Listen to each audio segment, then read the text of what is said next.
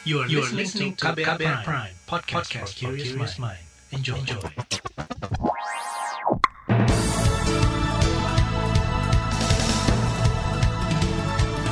Anda mendengarkan Buletin Pagi hari ini, edisi 30 Juli 2021 yang dipersembahkan oleh kantor Berita Radio saya, Reski Mesanto.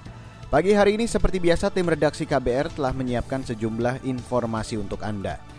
Di antaranya, Satgas COVID-19 waspadai virus varian Delta Plus yang lebih cepat menular. Presiden minta masyarakat tingkatkan kemampuan memitigasi bencana dan Jawa Barat kehilangan pemasukan triliunan rupiah selama penerapan PPKM. Dan saudara inilah buletin pagi selengkapnya. Terbaru di buletin pagi. Saudara Kementerian Kesehatan mengumumkan temuan tiga kasus COVID-19 varian Delta Plus di Indonesia. Tiga kasus itu ditemukan di Jambi dan Mamuju, Sulawesi Barat. Direktur Pencegahan dan Pengendalian Penyakit Menular Langsung di Kementerian Kesehatan, Siti Nadia Tarmizi menyebut, Virus COVID-19 varian Delta Plus memiliki karakter tidak jauh berbeda dengan varian Delta yang saat ini mendominasi di Indonesia. Siti Nadia meminta masyarakat tetap disiplin menjalankan protokol kesehatan dan membatasi mobilitas uh, varian Delta Plus ini adalah sama sebenarnya varian Delta, tapi ada sedikit perubahan mutasi aja dari proteinnya. Jadi itu varian-variannya aja, dan itu uh, berdasarkan penggolongan dari uh, ada pengolinex. Ya, ini uh, lokal kan variannya, jadi uh, kita tidak menemukan dari pelaku perjalanan ya. Yang pasti untuk mencegah varian semuanya kuncinya sama kok. Protokol kesehatan harus diketatkan, mobilitas uh, itu harus dibatasi. Direktur Pencegahan dan Pengendalian Penyakit Menular Langsung di Kementerian Kesehatan, Siti Nadia Tarmizi, mengatakan, saat ini tiga pasien positif COVID-19 dari varian Delta Plus sudah dinyatakan sembuh. Ia juga meminta masyarakat segera memeriksakan kesehatan dan melakukan testing agar penularan COVID-19 bisa segera diputus. Saudara, temuan virus corona varian Delta Plus di Jambi diketahui setelah ada penelitian terhadap 400-an sampel pasien di Rumah Sakit Umum Daerah Jambi. Penelitian dilakukan Lembaga Biologi Molekuler Eijkman Jakarta. Juru bicara Satgas COVID-19 Provinsi Jambi, Johan Syah mengatakan, dari 400-an pasien itu, 7 di antaranya terpapar virus corona varian baru.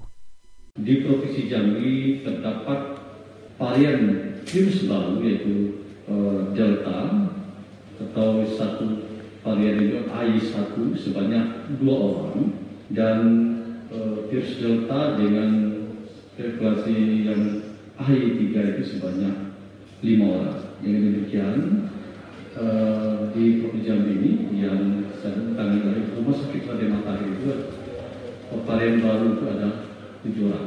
Virus COVID-19 varian Delta Plus saat ini menjadi perhatian di sejumlah negara seperti Inggris dan India. Dua negara itu telah menyatakan varian Delta Plus sebagai varian of concern. Varian jenis ini dianggap lebih menular, lebih resisten terhadap antibodi dan menyebabkan penyakit lebih parah. Sejumlah penelitian menyebut varian Delta Plus juga memiliki mutasi tambahan, yakni K417N. Mutasi ini berefek pada protein lonjakan virus yang bisa menginfeksi sel-sel sehat. Gejala umum dari pasien yang terkena varian Delta Plus adalah batuk dan pilek dengan intensitas waktu lebih lama. Sementara itu, Saudara Satuan Tugas Penanganan COVID-19 menyatakan akan menjalankan strategi untuk mengantisipasi penyebaran COVID-19 varian Delta Plus di Indonesia. Strategi itu adalah pencegahan level hulu secara berlapis. Ketua Bidang Penanganan Kesehatan di Satgas COVID-19, Alexander Ginting, mengatakan, pembatasan mobilitas terutama dari luar negeri maupun perjalanan domestik harus semakin ketat dilakukan. Upaya lain adalah mengencarkan pelacakan kontak atau contact tracing hingga ke tingkat desa dan kelurahan. Hmm. Oleh karena itu memang salah satu yang menjadi mata telinga kita adalah tim pelacakan kontak itu tidak boleh turun. Dan ini harus melekat di PPKM yang ada di desa dan di kelurahan. Dan hmm. PPKM dan di desa dan kelurahan ini sekarang sedang diaktifkan dan kontak tracing yang digital dan kontak tracing yang lapangan ini berpadu nanti untuk bisa mencegah dan kemudian mendeteksi dini mengenai peningkatan kasus ataupun uh, infeksi yang ada di sektor yeah. hulu. Ketua Bidang Penanganan Kesehatan COVID-19 Alexander Ginting menambahkan, upaya penanganan di hilir juga harus dilakukan. Saat ini Badan Penelitian dan Pengembangan Kesehatan di Kementerian Kesehatan terus bekerja sama dengan laboratorium di seluruh Indonesia untuk melakukan pemeriksaan genom secara acak untuk melihat pola mutasi virus COVID-19. Saudara, Lembaga Biologi Molekuler Eijkman menyebut virus corona varian baru Delta Plus memiliki karakteristik hampir sama dengan varian Delta yang mudah menular. Peneliti dari lembaga Eijkman, Amin Subandrio, mengatakan varian Delta Plus punya tambahan satu mutasi, yaitu K417N. Eh, perubahan itu tentu menyebabkan ada perubahan struktur dan perubahan fungsi dari virusnya. Tapi hmm. secara umum sifatnya masih sama dengan varian Delta bahwa dia sekitar 40 persen, 40-50 persen lebih menular dari varian Alpha. Dengan Alpha sendiri lebih menular 70 persen dari uh, varian Wuhan yang asli ya, yang, hmm. yang tahun. Pakar dari Lembaga Biologi Molekuler Eijkman Amin Subandrio menambahkan, sifat COVID-19 varian baru Delta Plus masih sama dengan varian Delta, namun lebih cepat menular sehingga harus diwaspadai. Selain itu, varian baru ini sulit didiagnosis oleh PCR dan bisa tidak terlacak dari antibodi penyitas maupun pasca vaksinasi. Baiklah saudara kita break dulu dan nanti setelah break akan saya hadirkan informasi mengenai Mendagri dorong daerah percepat realisasi belanja daerah. Informasi selengkapnya sesaat lagi. Tetaplah di Buletin Pagi.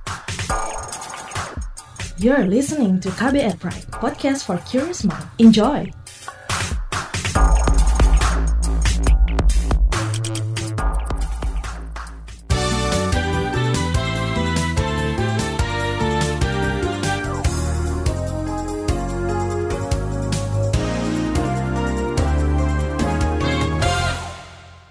Presiden Joko Widodo meminta masyarakat meningkatkan kemampuan mitigasi atau pengurangan risiko bencana alam. Jokowi mengatakan Indonesia memiliki resiko bencana geohidrometeorologi yang tinggi. Bahkan frekuensi dan intensitas bencana ini meningkat setiap tahunnya. Dengan tantangan yang semakin meningkat, maka kita harus meningkatkan ketangguhan kita dalam menghadapi bencana, menguatkan manajemen penanganan bencana, dan meningkatkan kemampuan untuk mengantisipasi dan memitigasi bencana untuk mengurangi risiko korban jiwa, kerusakan, dan kerugian harta benda. Presiden Jokowi menambahkan Indonesia mengalami multi bencana di waktu yang bersamaan. Salah satu ancaman bencana yang perlu diantisipasi adalah gempa bumi. Menurut Jokowi, intensitas gempa terus meningkat sejak 2016 lalu. Selain itu, Indonesia juga berpotensi lebih sering terdampak cuaca ekstrim dan siklon tropis. Saudara, Kementerian Dalam Negeri mendorong seluruh kepala daerah mempercepat realisasi belanja pemerintah, termasuk belanja anggaran penanganan pandemi COVID-19. Menteri Dalam Negeri Tito Karnavian menyinggung kepala daerah yang bermasalah mengelola anggaran belanja dan anggaran penanganan COVID-19. Nah itu sehingga perlu mempelototi anggaran yang ada berapa untuk bisa dibelanjakan menjadi program. Nah itulah beberapa hal yang berkaitan dengan masalah anggaran ini dan otomatis kalau seandainya ada yang tidak sesuai, tidak membelanjakan, kurang, kita akan berikan teguran. Teguran tertulis, sampaikan kepada publik. Menteri Dalam Negeri Tito Karnavian mengatakan, di tengah pandemi dan pembatasan kegiatan masyarakat, belanja pemerintah menjadi penting agar uang di masyarakat tetap beredar dan sektor swasta terstimulasi bergerak. Selain itu, akumulasi belanja pemerintah akan memperkuat daya beli masyarakat. Kita beralih ke informasi lain, Saudara. Kalangan pendidik dan guru mendesak Kementerian Pendidikan membatalkan rencana pelaksanaan asesmen nasional tahun ini. Kepala Bidang Advokasi dari Perhimpunan Pendidikan dan Guru atau P2G, Iman Zanatul Hairi mengatakan, asesmen nasional dikhawatirkan hanya akan membebankan siswa karena memiliki tanggung jawab membawa nama sekolah Apalagi para siswa masih terbebani belajar jarak jauh di masa pandemi. Kita sudah tahu ya apa yang akan terjadi nanti. Yang akan terjadi nanti siswa akan didrill, dibimbelkan. PJJ ini sudah membebankan siswa. Sekarang siswa itu didrill lagi karena dia kan memangku tanggung jawab yang sangat besar. Nama baik sekolah. Kalau sekolahnya bagus nilainya jelek itu kan reputasi lagi. Soal reputasi, apabila asesmen nasional dilakukan seperti ini ya sama saja dengan ujian nasional. Karena apa? Pada akhirnya akan membebankan katakanlah nama baik sekolah itu kepada siswa. Kepala Bidang Advokasi Perhimpunan Pendidikan dan Guru atau P2G, Iman Zanatul Hairi mengingatkan, pelaksanaan asesmen nasional di masa pandemi COVID-19 sangat tidak efektif. Iman juga menyinggung berbagai penelitian terkait siswa yang belajar dengan pembelajaran jarak jauh. Banyak siswa mengalami learning loss atau tidak mendapat pelajaran sama sekali. Sebelumnya, Kemendikbud Ristek merencanakan akan melakukan asesmen nasional pada September hingga Oktober mendatang. Beralih ke informasi hukum, Saudara. Lembaga Pemantau Korupsi ICW mendesak Majelis Hakim Pengadilan Tindak Pidana Korupsi menjatuhkan vonis penjara seumur hidup terhadap bekas Menteri Sosial Juliari Batubara. Peneliti ICW, Almas Syafrina mengatakan, tuntutan yang diajukan jaksa KPK berupa hukuman 11 tahun penjara kepada Juliari terlalu ringan. Sementara itu, Komisi Pemberantasan Korupsi atau KPK menilai tuntutan hukuman 11 tahun penjara terhadap bekas Menteri Sosial Juliari Batubara sudah sesuai pertimbangan matang dan dasar hukum yang kuat. Juru bicara KPK Ali Fikri mengatakan, tuntutan jaksa KPK juga berdasarkan pertimbangan fakta-fakta di persidangan. Selain itu, Juliari juga mendapat pemberatan hukuman. Terdakwa terkait dengan pasal suap. Jadi tuntutan jaksa penuntut umum KPK adalah pasal suap bukan pasal yang berhubungan dengan pasal 2 ayat 2 Undang-Undang Tindak Pidana Korupsi yang berhubungan dengan kerugian keuangan negara. E, penerapan pasal suap ini tentu karena berdasarkan fakta-fakta yang diperoleh e, selama proses e, penyidikan yang dilakukan oleh KPK. Itu tadi juru bicara KPK Ali Fikri. Bekas Menteri Sosial Juliari Batubara kemarin dituntut hukuman pidana 11 tahun penjara dan denda sebesar 500 juta rupiah, subsidiar 6 bulan Juliari juga diharuskan membayar uang ganti rugi kepada negara senilai 14,5 miliar rupiah. Kita beralih ke berita mancanegara. Saudara, gempa bermagnitudo 8,2 mengguncang pantai Alaska di Amerika Utara kemarin. Gempa itu menjadi gempa terkuat di Amerika dalam 56 tahun terakhir. Gempa juga memicu alarm tsunami. Para penduduk di sekitar pantai diminta mengungsi. Gempa di Alaska itu juga menimbulkan ancaman bagi Selandia Baru. Selain Selandia Baru, Pusat Peringatan Tsunami Pasifik memperingatkan juga ancaman tsunami ke wilayah Hawaii dan Guam. Sedangkan Jepang juga menyelidiki kemungkinan tsunami melanda negara itu. Beralih ke ajang Olimpiade Tokyo, saudara. Pebulu tangkis ganda putri Indonesia, Gracia Poli dan Apriani Rahayu melaju ke babak semifinal Olimpiade Tokyo. Gracia dan Apriani berhasil mengalahkan pasangan Tiongkok Du Yue dan Li Yin Hui melalui pertandingan sengit 3 game. Sukses ke semifinal juga diraih ganda putra Indonesia Muhammad Ahsan dan Hendra Setiawan. Hendra Ahsan menang atas ganda Jepang dalam 3 set. Kemenangan juga diraih tunggal putra Indonesia Anthony Ginting. Anthony lolos ke perempat final usai mengalahkan tunggal Jepang Kanta Suneyama Hasil berbeda diraih tunggal putra lainnya, Jonathan Christie yang takluk di tangan pemain Tiongkok. Sedangkan ganda putra Kevin Marcus dikalahkan pemain Malaysia. Saudara, di bagian selanjutnya akan kami hadirkan laporan khas KBR mengenai bansos COVID-19 yang rawan diselewengkan. Tetaplah bersama kami. You're listening to KBR Pride, podcast for curious mind. Enjoy!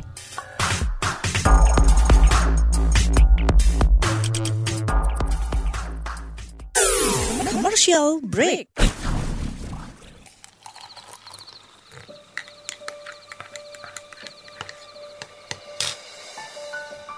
Hai, kamu apa kabar? Masih suka menikmati senja dan kopi? Aku masih ingat kebiasaan kita. Sehabis pulang kerja, selalu mencari tempat untuk sekedar ngobrol dan ngopi. Tapi kadang kita kehabisan bahan obrolan.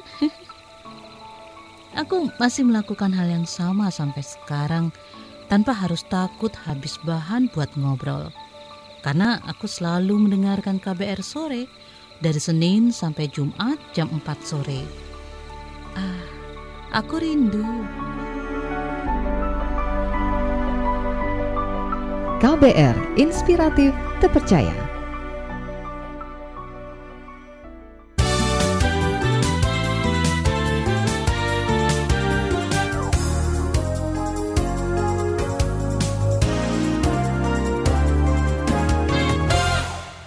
Anda masih bergabung di Buletin Pagi hari ini. Saudara, bantuan sosial COVID-19 masih rawan menjadi bancakan korupsi. Modusnya beragam, mulai dari permintaan kompensasi hingga penyuapan perusahaan nakal kepada pejabat negara. Bagaimana upaya pemerintah mencegah penyelewengan dana bansos? Berikut saya hadirkan laporan khas KBR yang disusun jurnalis Mutia Kusuma Wardani. Ayo. Nanti dampingin sama dia nanti. Ibu kalau ada enggak, ibu, ibu enggak kasihan sama saya. Saya susah-susah, mereka curiga saya yang bermain, Bu. Saya enggak mungut apa pun. Ibu juga kalau dapat uh, dipotong sama dia. Minta bayaran mereka. Iya, berapa? Banyak sekali 50. Itu tadi Menteri Sosial Tri Risma hari ini saat mengecek bantuan sosial COVID-19 di Karangtengah, Tangerang, Banten. Pada kesempatan itu, Risma mendapati bansos bantuan pangan non-tunai BPNT yang diterima warga malah dipotong 50 ribu oleh pendamping wilayah. Risma dengan tegas meminta warga menolak pungutan liar bansos COVID-19 serta tak segan melaporkan penyelewengan itu ke dirinya. Risma mengklaim terus berupaya untuk mencegah dana bansos dikorupsi. Upaya pencegahan itu di antaranya memperbaiki akuntabilitas data penerima bansos hingga meluncurkan aplikasi yang terintegrasi dengan program bansos COVID-19 seperti e-warung. Mekanismenya yang kita perbaiki. Kami eh, mulai bulan Januari sampai sekarang kami menyalurkannya dalam bentuk eh, transfer uang. Transfer uang ke bank dan kemudian warga bisa mengambil eh, di bank. Nah, khusus untuk beras, pengadaan beras itu dilakukan oleh Bulog. Uh, Bulog langsung mengirim ke keluarga penerima manfaat seperti itu.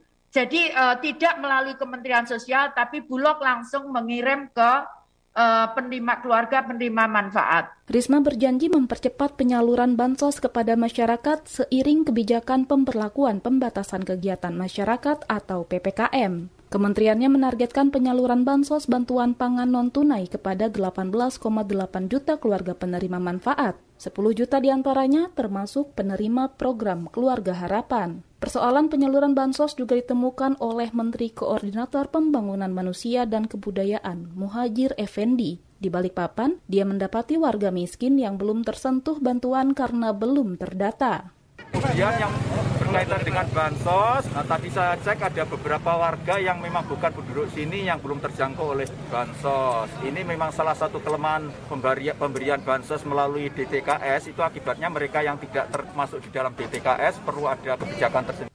Muhajir menambahkan, sidak penyaluran bansos merupakan instruksi langsung dari Presiden Joko Widodo. Kata Muhajir, Jokowi meminta untuk mengecek langsung ke lapangan supaya penyalurannya merata dan tidak malah diselewengkan. Sebelumnya, Komisi Pemberantasan Korupsi KPK mengungkap dugaan praktik penyelewengan dana bansos COVID-19 yang menjerat bekas Menteri Sosial Juliari Peter Batubara. Juliari didakwa menerima suap dari program bansos COVID-19 di Jabodetabek sebesar 32 miliar rupiah. Dia pun dituntut 11 tahun penjara menjatuhkan pidana terhadap terdakwa berupa pidana penjara selama 11 tahun dikurangi selama terdakwa berada di dalam tahanan dengan perintah supaya terdakwa tetap ditahan dan denda sebesar 500 juta rupiah subsidi 6 bulan kurungan. Tiga, menetapkan agar terdakwa membayar uang pengganti kepada negara sebesar 14 miliar 597 juta 450 ribu rupiah.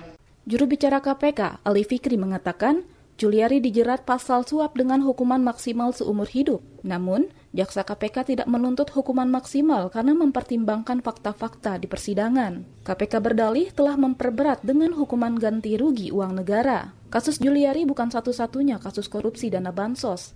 Lembaga Anti Korupsi ICW mencatat, selama pandemi COVID-19, lebih dari 100 korupsi bansos yang ditangani oleh kepolisian di 20-an daerah. Peneliti ICW, Alma Syafrina. Misalnya kalau terkait dengan program keluarga harapan, uh, ini semacam ada semacam pungutan liar atau permintaan kompensasi dari pendamping uh, penerima manfaat PKH gitu ya. Jadi pendamping pendamping PKH ini minta uh, setoran gitu ya kepada para penerima PKH itu sendiri. Kemudian terkait bansos yang lain seperti misalnya bantuan sosial tunai yang disalurkan melalui kantor pos di beberapa daerah terpencil itu tidak disalurkan melalui kantor pos. Um, di satu desa itu disalurkannya melalui pemerintah desa dan pungutan biayanya juga cukup besar ya. Um, yang laporan masuk ke kami itu bahkan mencapai 200 ribu. Alma Syafrina menilai penegakan hukum kerap kali tidak dibarengi upaya memberikan efek jera dengan hukum maksimal. Dia pun mendorong agar pemerintah menindaklanjuti pengaduan warga terkait dugaan penyelewengan dana bansos. Demikian laporan khas KBR, saya Mutia Kusuma Wardani.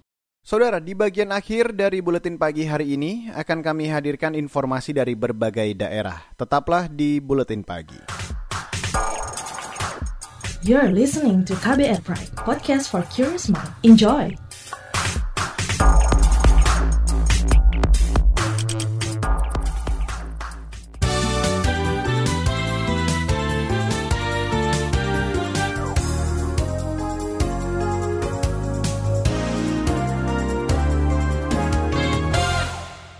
Dan inilah bagian akhir dari buletin pagi. Kita ke Jawa Barat, saudara. Pemerintah Jawa Barat kehilangan banyak pendapatan daerah selama pemberlakuan pembatasan kegiatan masyarakat atau PPKM. Gubernur Jawa Barat Ridwan Kamil mengatakan, pendapatan daerah yang hilang mencapai 5 triliun rupiah. Kita ini kehilangan pendapatan cukup signifikan ya hampir sekitar 20 miliaran per hari selama PPKM provinsi kehilangan pendapatan seperti itu. Total kehilangan pendapatan kemarin diskusi dengan Pak Ketua Dewan juga kita sekitar hilang 5 triliun. Meski begitu, Gubernur Jawa Barat Ridwan Kamil mengatakan, penanggulangan pandemi COVID-19 dan keselamatan nyawa warga provinsi itu harus diutamakan dibanding ekonomi.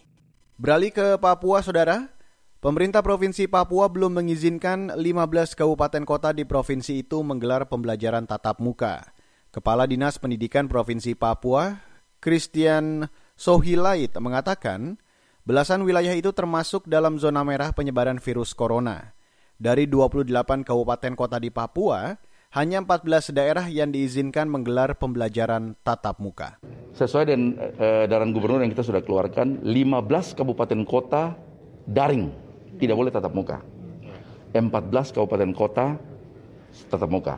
Itu data dari mana? Data dari tim COVID yang kita terima bahwa ada 15 kabupaten yang merah, maka sekolah harus menyesuaikan. Kepala Dinas Pendidikan Papua, Christian Sohilait mengatakan, sekolah jenjang SMA atau SMK sebenarnya siap melaksanakan belajar tatap muka.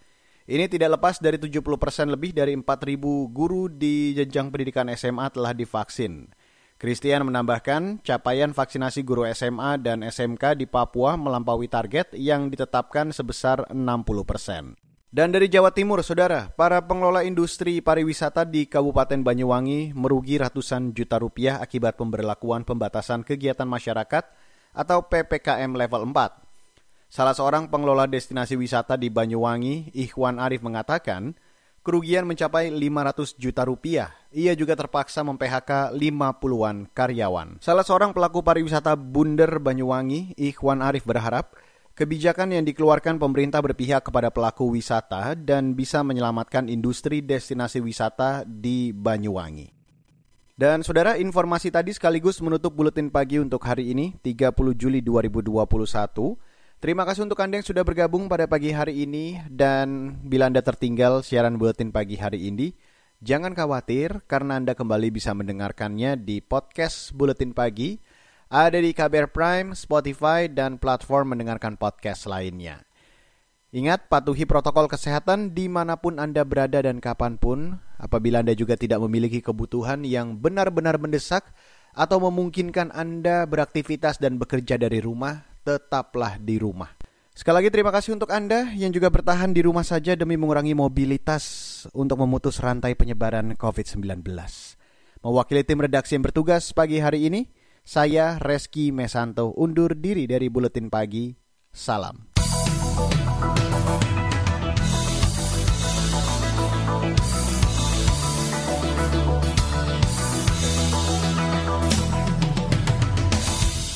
KBR Prime, cara asik mendengar berita.